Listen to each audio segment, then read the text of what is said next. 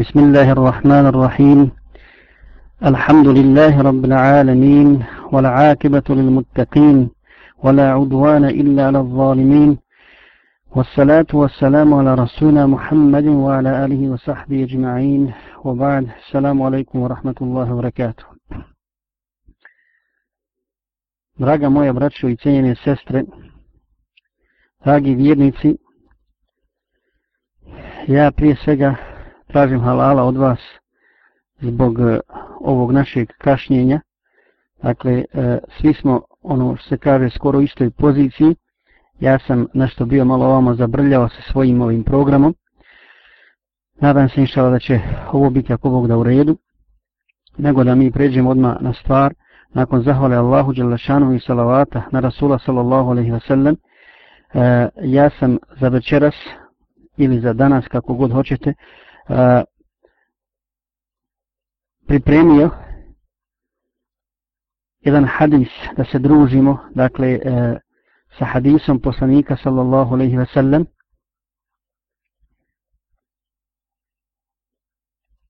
Dakle sa riznicama i sa sa riznicama iz velikog blaga i velikih riznica Rasula sallallahu alejhi ve sellem hadis koji se tiče sviju nas, našeg svakodnevnog života, naših međusobnih odnosa i ovaj hadis trebamo svi dobro naučiti, dakle naučiti ga na pamet, a poslije toga raditi po njemu kako bi se potvrdili kao istinski vjernici. E, dakle, ovaj hadis nas upozorava na naše dužnosti i obaveze i postiče na našu vezu, a to je ta imanska veza bratska veza koja je jača od svake druge veze. Naime, uh, u ovome hadisu Rasul sallallahu alaihi ve sellem kaže Men nefese an mu'minin kurbatan min kurabi dunja nefese Allahu anhu kurbatan mjama. ومن يسر على معسر يسر الله عليه في الدنيا والآخرة ومن ستر مسلما ستره الله في الدنيا والآخرة والله في عون العبد ما كان العبد في عون أخيه kaže poslanik sallallahu alaihi wa sallam ko otkloni nevolju od brata muslimana od nevolja dunjaluka Allah Đelešanuhu će otkloniti njegovu nevolju na sudnjem danu a onaj ko olakša onome koje je zadužen, vidjet ćemo šta, eh, šta prije svega znači ove riječi poslanika sallallahu sallam, Allah će njemu olakšati i na dunjaluku i na ahiretu. Onaj ko pokrije mahanu brata muslimana ili sestre muslimanke, Allah Đelešanuhu će pokriti njegove mahane i na dunjaluku i na ahiretu. Allah Đelešanuhu je na pomoći, dakle robu, svome robu sve dok je njegov rob na pomoći svome bratu. Dakle, e, ovo je samo jedan dio hadisa u kojem poslanik sallallahu alaihi ve sellem upozorava, upozorava e, sljedbenike Islama na njihove međusobne odnose. Dakle, kaže poslanik sallallahu alaihi ve sellem ko otkloni nevolju od brata muslimana na dunjaluku, Allah će otkloniti njegovu nevolju na sudnjem danu. A nevolje sudnjega dana su zaista velike i mnogobrojne. I mi znamo na osnovu Kur'ana i sunnata Rasula sallallahu alaihi ve sellem o kakvim nedaćama, o kakvim iskušenjima i o, kakvi, o kakvim nevoljama se radi. Spomenut ćemo samo neka. Prije svega znamo iz mnogih hadisa našeg poslanika Muhammeda sallallahu alaihi ve sellem da će čovjek biti iskušan, odnosno ljudi će biti iskušani znojem. Pa kaže poslanik sallallahu alejhi ve sellem kada Allah skupi sve ljude, sunce će se spustiti iznad ljudskih glava koliko je pedalj. Dakle, i ljudi će biti u znoju e, s razmjerno njihovim grijesima. Neki će biti u znoju do koščice, neki do koljena, neki do pojasa, a neki će se gušiti u znoju. I zbog neizmjerne tegobe i iskušenja toga dana koji će jako dugo trajati. Ljudi će otići Ademu a.s. i reći će moli Allaha Đalešanuhu da nam olakša ove muke i ove tegobe sudnjeg dana. Pa će im Adem a.s. reći, ja se danas brinem samo o sebi. Onda će tako redom ići kod svih poslanika koji im neće ništa drugo reći osim ono što im je rekao Adam a.s. A nakon toga će doći do poslanika Muhammeda sallallahu alaihi ve sellem i reći će moli Allaha da nam olakša muke, a on će reći sallallahu alaihi ve sellem ene leha, ja sam zato zadužen, dakle meni pripada ta čast da molim za šefaat, da molim Allaha Đelešanuhu za lahkoće muslimanima danas. E, mi, braćo i sestro, sestre, znamo da se danas muslimani nalaze u velikim nevoljama. Da je danas muslimane pogodila briga i tuga i velika iskušenja i da su poniženi kao nikad ranije. Ali i bez toga, inače, ovaj život na Dunjaluku je sav u znaku nevolja, nevolja i iskušenja. E, islamski učenjaci, kada govore o ovim iskušenjima, kada govore o nevoljama Dunjaluka, kažu da su tri glavna razloga zašto ljude, a prije svega vjernike, snalaze e, ova iskušenja na Dunjaluku. Pa između ostalo kažu da je to prije svega radi grijeha koje čovjek čini i koji, e, i koji je počinio i onda Allah subhanahu wa ta'ala želi da očisti vjernika i vjernicu na taj način, dakle, e, kroz brige, kroz tugu, siromaštvo, raznorazna druga iskušenja na dunjaluku, jer ako se rob ne očisti na taj način, ako Allah želčano ne očisti od grijeha čovjeka na taj način, onda ga čeka e, druga stanica, to jest kabur, čeka ga iskušenje u kaburu. A ako ni tu ne bude očišćen od grijeha, onda ga čeka iskušenje sudnjega dana, koje je daleko teže od ovoga prethodnog, a ako se ni tu ne očisti, onda zbog svojih velikih grijeha e, morat će da se očisti u vatri, sačuo nas Allah od toga. Dakle, Allah iz svoje mudrosti i milosti E, šalje određene musibete, ispušta određene musibete i iskušenja vjernicima na dunjaluku kako bi ih očistio od grijeha, jer samo čisti e, od grije, potpuno čisti ljudi će ući u džennet. Ahmed, imam Ahmed bilježi sa sahih senedom predaju, kada je objavljen ajet u kojem Allah Đelešanuhu kaže lejse bi emanijikum wala emaniji ehlil kitabi men ja'mal su'a jeđzi bih, juđze bih. Kaže, Allah Đelešanuhu, to neće biti po vašim željama niti po željama Ehlul Kitabija. Onaj ko bude uradio loše dijelo, bit će za njega kažnjen. Biće zbog njega kažnjen. Kada je ove riječi čuo Abu Bekr, radijallahu ta'ala, zaplakao je. I poslanik sallallahu alaihi ve sellem ga pita zašto plaćeš Ebu Bekre, a on odgovara, pogledajte kako su ashabi razumjeli islam, kako su razumjeli Kur'an. E, kad se objavljuje ajet, pomno ga prate, slušaju i dobro ga razumiju. I kaže Abu Bekr, ja Rasulallah, pa šta nam vrijede dijela poslije ovoga ajeta? Šta nam i koliko su se oni brinuli o ahiretu? Neka ti se Allah smiluje Ebu Bekre. Neka ti se Allah smiluje Ebu Bekre. A zar te na dunjaluku ne pogađaju iskušenja? tuga, žalost i ostalo, ka jest ja Rasulallah. Pa kaže, na osnovu toga i preko toga Allah Đelešanuhu briše, briše loša djela. Nakon toga Rasul sallallahu alaihi wasallam je rekao, nema ni jednog muslimana kojeg pogodi tuga i žalost, briga i bolest, a da mu Allah neće obrisati grijehe, pa čak i za ono kada ga, kada ga trn ubode. Dakle, zbog, svi, zbog svih tih ezijeta i iskušenja Allah Đalešanuhu oprašta istinskim vjernicima njihove grijehe. Drugi od razloga, ili drugi razlog, e, zbog, koje, zbog kojeg snalaze iskušenja vjernike na Dunjaluku, jeste, o, i, i, odnosno ljude na Dunjaluku, jeste okretanje od Allahove istine.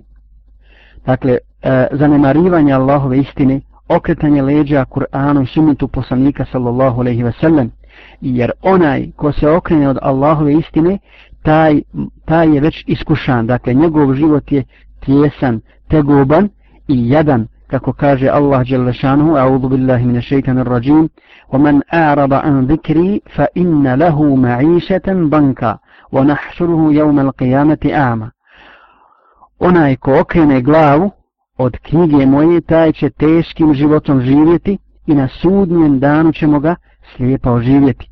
Dakle tuga i tjeskoba je njegov životni pratilac makar živio u ne znam kakvom izobilju makar imao vlast i metak i sve ono što poželi od Dunjaluka, a mi smo svi prošli kroz, takve fa, kroz takvu fazu i znamo šta znači biti u tmini, šta znači biti e, na krivom putu i biti daleko od Allahove istine. Nastavljamo e, sa našim komentarom hadisa poslanika sallallahu alaihi wa sallam i e, rekli smo dakle da e, je poslanik sallallahu alaihi wa sallam u hadisu upozorio na važnost i vrijednost otklanjanja e, nevolje, odnosno nevolja od e, brata muslimana, odnosno sestre muslimanke, e, koje su raznovrsne, dakle, neimaština, bole, strah, nepravda i tako dalje. U tom smislu spomenut ćemo ono što je rekao Hasan Basri vezano za ovaj hadis i inače za odnaš odnos jednih prema drugi, drugima, kaže, mnogi od vas govore, ja klanjam, ja postim, ja dajem zekat, obavljam hađ i tako dalje. E, I misli da je, da je samo to ibadet. Međutim, onaj ko otkloni nevolju od svoga brata, ko obiđe rodbinu, ko pomogne muslimanu, to je također ibadet. I ovo su zaista velike riječi i istinite riječi od Hasana Basrija, jer mnogi od nas danas ne imaju veće brige od toga da obavljaju namaz na vrijeme, da obavljaju namaz u džematu, da poste, odnosno one fardove da izvršavaju koje je Allah Đelešanohu naredio i zadovoljavaju se time. Jeste, to je alhamdulillah, to jeste najvažnije, to je, to je dobro, e, to je za svaku pohvalu.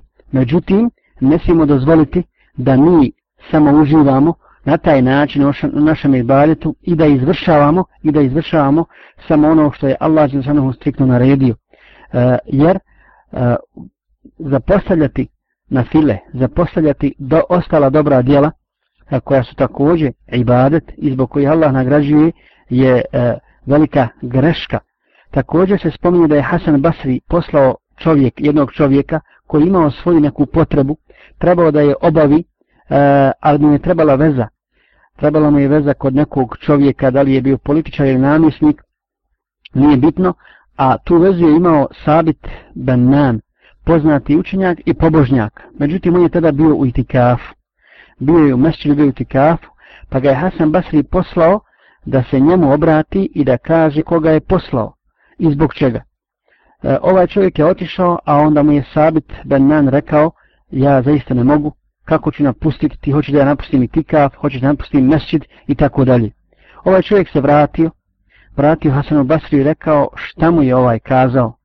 Pa ga je Hasan Basri ponovo spremio i rekao mu, idi i reci mu, o pobožnja, rekao ti je Has poselami ga od mene i reci mu da sam mu ja rekao, o pobožnjače, zar misliš, zar misliš samo ti da uživaš u ibadetu, u ibadetu u džami i da boraviš u džami u itikafu i da je to vrhunac ibadeta.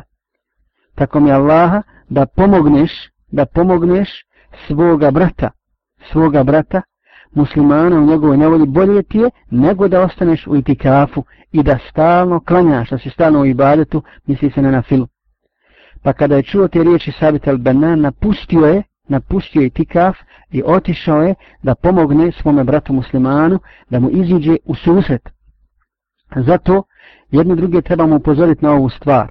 Ako neko posjeduje ugled, ako posjeduje uticaj kod nekoga, gdje čovjek treba, kod koga čovjek treba musliman ili musliman kada ostvari svoje pravo, dakle ne bespravno da nešto ostvari, nego da ostvari svoje pravo, da sačuvaju svoj ponos, svoj čast, znaj, brate muslimanu i sestro muslimanko, da ti je dužnost da izvršiš to i da pomogneš muslimanu. I ako se radi o siromašnom, ako se radi o bolesnom i tako dalje, mi znamo koliko danas muslimana umire sa svojim problemima, sa svojim potrebama, sa svojim pravima, eh, odnosno obespravljeni umiru i nikad te svoje probleme ne rješavaju na dunjaluku. Umiru s njima i s njima se zakopavaju, a na sudnjem danu će biti vallahi podkusurivanje. I poželje će tada vladari i oni koji su imali vlast i nešto mogli da urade i koji su uh, uzurpirali tu vlast i bili nepravedni, poželjeće da su pod stablom spavali. Ne samo da, da, da nisu imali dvorce, da nisu imali vlast i bogatstvo, nego da nisu imali kuće nikako kad vide šta će im se desiti na sudnjem danu i koliko će se uzeti od njihovih dobrih dijela koji budu imali i koliko će se na njih natovariti, natovariti loših dijela i tereta koje ga sigurno neće moći, neće moći nositi. Sjetimo se samo prvih generacija. Sjetimo se Ebu Bekra radijallahu ta'ala an. Zašto je poslanik sallallahu alaihi ve sellem rekao kada bi se iman svih ljudi, svih muslimana stavio na jedan tas vagi, a na drugi tas vagi, iman Ebu Bekra plagnuo bi iman Ebu Bekra. Zato što poslanik sa selem pita jednoga dana ashabe, je li neko od vas danas postać Abu Bekr odgovara, ja sam. Je li neko od vas danas ispratio dženazu? Abu Bekr kaže, ja sam. Je li neko od vas danas obišao bolesnika? Kaže, ja sam. Je li neko od vas podijelio sadaku? Kaže Abu Bekr, ja sam. Kaže poslanik sa sallam, neće se ovo spojiti kod čovjeka, a da neće ući, a da ne uđe, a da ne uđe u džennet. Dakle, Abu Bekr obilazi čak staricu, staricu koja živi u svojoj trošnoj kući i e, čisti joj kuću, čisti donosi joj hranu, donosi joj vodu i pripremi, pripremi svaki dan ono što je potrebno. I znamo da ga je Omer pratio, da je gledao što ovaj radi, pa kada je, pa, pa kada je postao halifa, kada je postao halifa, Omer je rekao, e neće moći sad izdržati sigurno, sad su obaveze državne poslovi i tako dalje, ja ću ga sad preteći. Međutim, kada je došao Ebu Bekr, kada je došao Omer, ponovo je zatekao kuću sređenu, pa je upitao staricu, ko sad dolazi, ona je odgovorila, ponovo dolazi onaj isti čovjek, samo prije je dolazio poslije sabaha, sad dolazi prije sabaha, da obavi sve ono što treba kod mene i onda ode. Dakle, to je generacija za koju je Allah rekao, kuntum hajra ummetin uhrđat lin nas vi ste najbolji ummet koji se, koji se pojavio, pojavio na zemlji. Dakle, svatanja akide mora biti takvo kod nas e, i svatanje ibadeta, približavanja Allahu Đelešanu onako kako su to shvatili, shvatili ashabi Rasula sallallahu alaihi sallam i generacije koje su nas pretekle u dobru. Pogledajte samo, e, je li neko od nas nekad razmišljao o, o ljudima koji su prenijeli islam u Indoneziju i Maleziju. Tamo nije bilo džihada, Tamo nisu došli muđahidi, tamo nisu došli učenjaci, muhaddisi, fakihi, pa da prenesu islam. Ne, nego su u Indoneziju islam donijeli i pronijeli Indoneziju i Maleziju e, i njihovim sebebom je primjer islam od strane tih ljudi, trgovci. Trgovci. Dakle, ljudi koji, kod koji su ovi prepoznali poštenje, iskrenost, pravednost, poštivanje ugovora e, i tako skromnost i sve ono što treba da krasi jednog vjernika. Dakle, kad pogledaju njihovo lice, vide nur, vide svjetlo, vide ljepotu ahlaka, moral i e, dakle, bogobojaznost i na osnovu toga su ljudi prihvatili vjeru. Wallahi, veliku stvar su ti ljudi uradili i velika i nagrada čeka kod Allaha Đalešanuhu to ono, kaže poslanik sallallahu alejhi ve sellem u u hadisu koji ga bilježi Buhari i Muslim Allah će na sudnjem danu razgovarati sa čovjekom, dakle sa robom bez posrednika. I kad čovjek pogleda na, dakle bez posrednika ikakvog, kad čovjek pogleda na desnu stranu, vidjet će svoja djela. Kad pogleda na lijevu stranu, opet će vidjeti samo djela. Kad pogleda naprijed, vidjet će džehennem, razbuktalu džehennemsku vatru, pa kaže poslan sallam, čuvajte se džehennema, makar sa pola hurmi. Dakle, zamislimo, braćo i sestre, e, sudni dan, sudni dan i sve njegove strahote. I u takvoj situaciji će Allah subhanahu wa ta'ala otklanjati nevolje onima koji budu otklanjali nevolje muslimana na dunjaluku. Nevolja za nevolju. Nevolja za nevolju. Dakle, koliko je to za nas važno, koliko je to bitno da shvatimo zaista suštinu dunjalučkog života, njegovu prolaznost, njegovu bezvrijednost i posebno danas u ovoj situaciji u kojoj musmani žive, mi bi trebali da budemo posljednji koji će zavara dunjaluk, koji će se odati igri i zabavi, koji će se odati, odati dakle onim stvarima koje, koje, kojima se odaju nevjernici, džahili i tako dalje i da na taj način potroše svoj dunjalog i prokockaju veliku, veliku šansu. E, ja bi u tom smislu spomenuo Ibrahima a.s. jednu njegovu, jedan njegov slučaj, odnosno Israilijat koji, koji se prenosi o njemu. Mi znamo da je Ibrahim a.s. stalno svaki dan imao nekog gosta kod sebe u svojoj kući, ali također znamo dakle, da, da je on kao Allahov poslanik i svi ostali poslanici, a to je Muhammed Islam preporučio vjernicima, dakle naredio da da je primao u kuću vjernike i njih je ugošćavao, dakle oni koji su imali tevhidu, koji su vjerovali istinsko Allaha Đalešanu. Imao je dvojicu ljudi koji je zaduživao svaki dan da, da dovedu goste. Jednog dana jedan od njih je doveo gosta i kad je on iz, pred njega iznio pečenu, šta? Pečeno tele, ovaj eh, je počeo da jede pa mu kaže Ibrahim a.s. E, jedi s bismillom i neka ti je prijatno. Reci u ime Allaha Đalešanuhu kaže ova ja ne znam za Allaha ja e, neću to izgovarati Ibrahim a.s. mu kaže pa ako ne znaš za Allaha za koga ćeš drugog znat? Allah te stvorio daje ti na faku dao ti zdravlje e, i tako pred njega će se vratiti odgovarati za sva djela. Zašto si ohol? Ovaj čovjek nije htio da izgovori bismil i Ibrahim a.s. ga je e, nije htio ugostiti i mora na, na napustiti njegovu kuću. Nakon toga Allah Đelešanu objavljuje Ibrahimu i kaže, znaš li Ibrahime koliko ovaj čovjek ima godina? Pa Ibrahim je sam rekao, Allah najbolje zna. I Allah mu objavljuje da taj čovjek ima 70 godina. I kaže, 70 godina mi griješi, a ja ga hranim i pojim. A ti ga nisi mogu ugostiti samo jedan dan, odnosno za jednom, za jednom sofrom. Dakle, onaj ko olakša muslimanu, a, kaže poslanik sa sellem, Allah će njemu olakšati e, i na dunjaluku i na ahiretu. Ovdje učenjaci tumačeći ove riječi poslanika sa selem e, kaže da se prije svega odnosi na dužnika. Dakle, onaj ko ima e, e, novac ili ko je posudio nekome nešto, pa taj ne može da vrati, dakle, neka, neka mu op, onaj, olakša, odgodi dug ili ono što je najbolje ako ne može nikako vratiti, da mu oprosti. E, jer sjetimo se također jedne predaje u kojoj se spominje da će čovjek doći na sudnji dan. Da će doći na sudnji dan pa će biti poveden u džehennem. U džehennem pa će ga Allah će pitati imaš li jedno djelo, znaš li jedno do, dobro djelo koje si uradio. Pa će on reći gospodaru ne imam i ne znam ni za jedno dobro djelo svoje osim to što sam se bavio trgovinom. Bio sam trgovac imao sam dosta imetka i kada bi nekom nešto posudi pa mi ne bi vratio, ja bi odgađu povrat, povraćanje duga ili bi opraštu. Pa će to prevagnuti, to, to dobro djelo i Allah Đelešanovo će mu oprostiti grijehe i uvešće ga u džennet.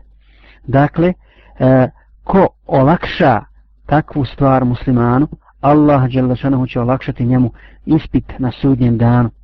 Zatim, ko pokrije sramotu muslimana, Allah će pokriti njegovu sramotu na sudnjem danu.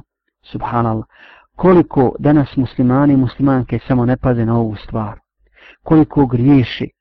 Kaže ima Malik kad je u pitanju pokrivanja sramota, odnosno onih dijela ili grijeha koje ljudi rade, muslimani i muslimanke, u tajnosti.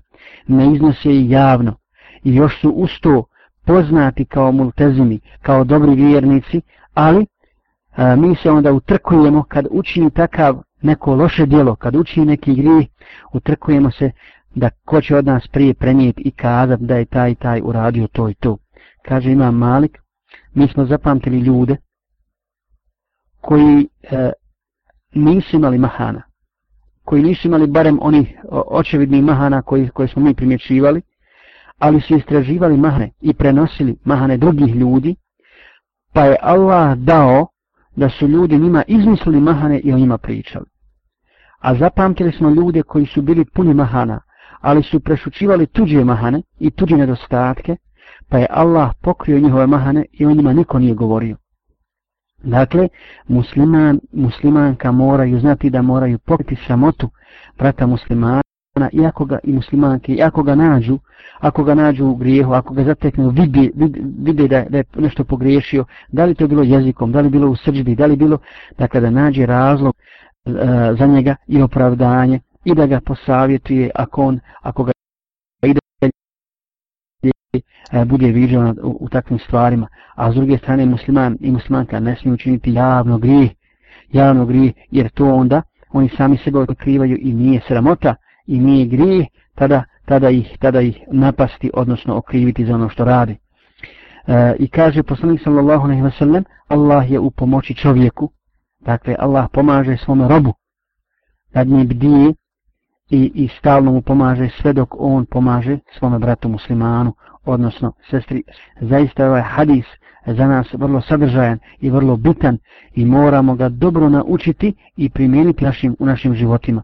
Jer ovo dunjaluka što je ostalo, uh, Allah, Allah Želešanuhu kaže približio se sudnji dan, približio se sredina, a ljudi u gafletu, ljudi u nemaru, a posebno kad znamo u kakvim iskušenjima se danas nalaze muslimani, koliko danas muslimani pati, koliko su nepovezani, koliko je ta, ta imanska veza splasnula, a koliko nevjernici s druge strane sve više i više stežu obruč, stežu obruč i napadaju, i napadaju. I muslimane danas proglašavaju E, i teroristima i ubicama i tako dalje samo da bi oni ostvarili samo da bi oni ostvarili e, e, svoj cilj. Odnosno da bi da bi e, osvojili muslimansku teritoriju i da bi se pripremili.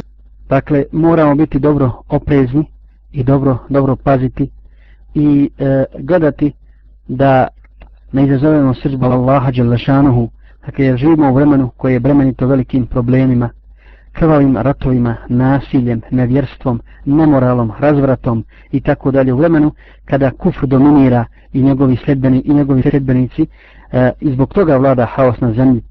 A inša Allah, nadamo se da neće još dugo. E, međutim, pored svega toga, dakle, e, što nevjernici čini i rade, što radi kolovođe nereda, E, jedna stvar danas je dakle posebna na tapetu, a to su muslimani i muslimanke, multezimi koji se pridržavaju istinski Allahove vjere i koji su se danas uzoholili na zemlji, a ne znaju i nisu, nisu svjesni, nisu svjesni da će sigurno takvi ljudi biti gubitnici i na dunjaluku i na ahiretu, jer Allah subhanahu wa ta'ala će pomoć svoje iskrene robove. Allah će pomoć mu'mine, e, i u to nema nikakve, nikakve, nikakve sumnje i nema mjesta očaju, nema mjesta, nema mjesta tugovanju, nema mjesta onim stvarima uh, koji su grijeh kod Allaha Đalešanohu. Dakle, vjernik, bez obzira u kakvoj na situaciju muslimani nalazi, uh, nema mjesta nekom pretjeranom strahu od nevjernika zbog njihovog kufra i zbog njihovog napada na muslimane. Jer, uh, iz, zbog čega? Iz više razloga iz više razloga, bez obzira, bez obzira šta se desi, šta se desi muslimanima u Iraku, šta se dešava muslimanima u Palestini, ovdje u Bosni, u Americi, na svakom drugom mjestu. Muslimani, to, kod muslimana to treba samo da poveća optimizam i ubjeđenje i jekin iz više razloga. Ja bi naveo samo neke. Prije svega, zato što su muslimani danas e, napadnuti nepravedno. Dakle, oni su na strani pravde, a onaj ko bude ustrajao na tom putu, ko bude ustrajao uz pravdu e, i koje podrži, on je pobjednik samim tim. Dakle, bez što se svrstao na stranu pravednih, on je samim tim pobjednik. Zatim, druga stvar, Allah Želešanu nam razotkriva, razotkriva našeg neprijatelja i padaju u vodu svi, svi njihovi e, pada u vodu ono šepurenje njihovo i pozivanje na nekakva prava, na slobode, na demokratiju i tako dalje. Dakle, sad se vidi šta hoće i koliko pritišu ljude i napadaju i hoće čak da ti u kuću uđu, da ti oni određuju šta ćeš i jest i piti kako ćeš se oblačiti, a kamoli kakav će ti zakon vladati, vladati u državi. A, zatim treća stvar jeste to da, da ljudi uviđaju, uviđaju tu nepravdu, tu silnu nepravdu i sve više i više prihvataju islam, prihvataju Allahovu vjeru i vraćaju se, vraćaju se Allahovoj vjeri i u Americi i na svakom, na svakom drugom mjestu. evo ovdje kod nas, alhamdulillah, sutra, to jest nedelju, trebaju da dođu dvije, odnosno tri e, žene Hrvatice iz Bugojna ovdje u Fahdovu džamiju, koje, koje onaj, su primile islam i sutra će biti kao i prošli put, vi ste vjerojatno to pratili, radio nabaje, e, pratila direktno to i snimala i tako dalje, e, to će vjerojatno raditi i sutra. E, dakle, dolaze iz govore šehadet i svaki dan se skoro to dešava. Dakle, ljudi se vraćaju Allahu i to je dokaz protiv nevjernika i protiv munafika iz muslimanskih redova koji se ismijavaju s muslimanima, izdajama i tako dalje i govore da je islam se širio silom, da islam nije vjera za ovo doba i tako dalje. Dakle, danas muslimani poniženi, a ljudi nevjernici kršćani i tako dalje, vraćaju se islamu, vraćaju se vjeri, prihvataju šehadet i hoće samo taj put za svoj životni put. Jer nisu našli na drugim stazama, na drugim putevima nisu našli rahatluk i nisu našli sreće za sebe. E, zatim, ovo je trenutak i prilika za nas sviju da shvatimo važnost i vrijednost borbe velikim džihadom to jest Kur'anom, jasnim dokazima, jasnim dokazima, bez uvreda, bez vrijeđanja, bez, bez napadanja, bez ponižavanja, dakle da iznesemo jasne dokaze i da govorimo onima koji nisu muslimani, kad smo diskutujemo, kad vodimo debate na tribinama, zvaničnim i nezvaničnim sastancima, da je Islam jedina priznat vjera kod Allaha Đelešanu. Mi imamo jake dokaze Allah. A da ne da, zbunje, a ne da zbunjujemo narod, kao što to rade pojedinci od, zvanič, od zvaničnika, pa ljudi ne znaju u stvari gdje je istina. Smatraju da je, da je suština ista, samo se forma razlikuje kod, muslim, kod muslimana, kod kršćana i ostali. Dakle, ovo je velika prilika koju ne smijemo propustiti. Ne smijemo propustiti jer da Allah uputi, uputi preko nas jednog čovjeka bolje nam je nego, nego nego stado najboljih deva, kako kaže poslanik sallallahu alaihi ve sellem. I da se nat, i još jedna stvar koju sam želio istaći vezano za ovaj govor o hadisu, a to je da će se na taj način, inša Allah, pojačati jedinstvo muslimana. Pojačati da će se muslimani više vraćati, vraćati vjeri i vezivati za Kur'an, odnosno za Islam i isticati stalno tu vezu. Tu vezu a, na uštrb svih drugih veza koje nisu bitne koje nisu bitne i zbog toga nećemo biti pitani na sudnjem danu, a za ovu ćemo i kako biti pitani, a pored toga neće uspjeti, neće uspjeti naša nasilja, naš trud, makoliko je ložilo da se oslobodimo terora, da se oslobodimo straha, da, e, da zavada sigurnost i mir u našim državama, ako se ne vratimo istinski Allahovoj, Allahovoj veri. Dakle, to jedinstvo i muslimani nemaju pravo da nas na igru, na zabavu, nego moraju biti ozbiljni, a raditi koliko god mogu da sav svoj život uložimo u radu za Allahu vjeru, u pozivanju ljudi u Allahu vjeru, jer dunjaluk je, dunjaluk je zaista kratak. Dunjaluk je zaista kratak, kao, kao što kaže Ali Arbi Allahu ta'ala, kada mu je došao čovjek, kada mu je došao čovjek da, da mu bude svjedok, odnosno kadija, za ugovor, ovaj je kupio kuću, e, pa je tražio da mu Alija potpi, napiše taj ugovor i da bude svjedok da je on kupio drugog čovjeka kuću. Pa mu kaže Ali radijalno, ho, hoću vrlo rado. I onda kada je pisao ugovor, nakon bismile, zahvale Allahu, Đelešanu i salavata na Rasulullah s.a.v. rekao je, uh, ja u ime Allaha svjedočim da je mrtvac kupio kuću od drugog mrtvaca u zemlji grijeha, u zemlji grijeha koja ima četiri granice četiri nije spomenuo da graniči s kopnom ili s morem s jedne strane, s kopnom druge strane s morem, nego rekao Alija, s jedne strane, dakle, jedna, jedna, jedna granica je do smrti, druga granica je do kabra, treća granica je do sudnjega dana i polaganja računa, a četvrta granica je do dženneta ili, ili džehennema. Pa kada je čuo ove riječi, ovaj čovjek rekao je, ja pozivam Allaha za svjedoka, a zatim tebe Alija, da ja ovu kuću koju sam kupio dajem u sadaku. Dakle, ne želim, ne želim da imam za sebe. Dunjalog će svakako brzo proći i vratit ćemo se pred Allaha Đelešanu i pitaće nas za ono što smo radili na Dunjaluku, kako smo proveli naš život, kakvi su naši odnosi bili i koliko smo mi bili svojim životima, svojim dijelom, svojom riječju i postupkom sebe da drugi ljudi prihvate Allahovu, Allahovu istinu. A na najljepši način pozivat ne boji se ničijeg prijekora, ne boji se nikog osim Allaha Đelešanohu, to je naš zadatak i s te strane ne trebaju nam nikakva upozorenja. nikakva upozorenja i nikakvi lažni i suvišni, suvišni strahovi. Zato ja molim Allaha da nas učvrsti na istini, ali kad je u pitanju ova dava, važno je pomenuti još jednu stvar. Ne smijemo biti od onih, od onih koji zagovaraju nekakvo temeljito rušenje pa izgradnju nečeg novog. Izgradnju nečeg novog. Moramo znati, braćo i sestre, dakle da se mi nalazimo pred jednom građevinom. Pred jednom građevinom koja je građena 1420 godina. U koju je uloženo mnogo krvi, mnogo novca, mnogo truda, mnogo znoja, mnogo znanja i umjeća. I tu zgradu nema niko pravo da ruši da bi gradio iznova. Onaj ko to smatra, ko smatra da je to ispravno, taj čini, velik, taj čini veliku grešku, taj je sigurno u zabludi, jer nije poslanik. On nije, niko od nas nije. Poslanik je posljednji Allah, poslanik Muhammed s.a.v. On je srušio džehl, srušio kufr i svaku zabludu, svaku zabludu i onda je došao sa istinom, sa islamom i ta građevina je izgrađena. A što su neki njeni dijelovi malo okrenjeni, što, što ima muslimana koji ne klanjaju, koji ne daju zekat, koji ne poste i tako dalje, na nama je da radimo, da se ta građevina popravi, a ne da se ruši pa da se iz temelja gradi. Dakle, to je naš zadatak i, i uporni, i uporni, i osloniti se na Allaha Đalešanuhu, njemu dole stalno upućivati i istikvar da uputi muslimane, da po imenima spominjemo one koji nisu takvi u našim dovama i Allah Đelešanohu će dati, inša Allah, hajr kod takvog postupka, jer u slijedjenju poslanika sallallahu alaihi ve sellem je za nas najbolja, najbolja uputa i to je najbolji, to je najbolji put.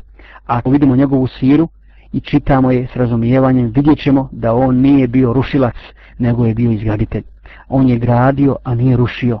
I onoga dana, i onoga dana kada je mogao da uputi Allahu dovu, da se ruši brda na Meku i na Taif, zbog onih koji su činili grije, koji su ga napadali, koji su ga protjerivali, nije to učinio, nego je uputio Allahu dovu, da uputi te ljude i da iz njihovih kičmi izvede generaciju koja će obožavati samo Allah Đelešanu. I Allah je uh, primio dovu svoga poslanika Muhammeda s.a.v.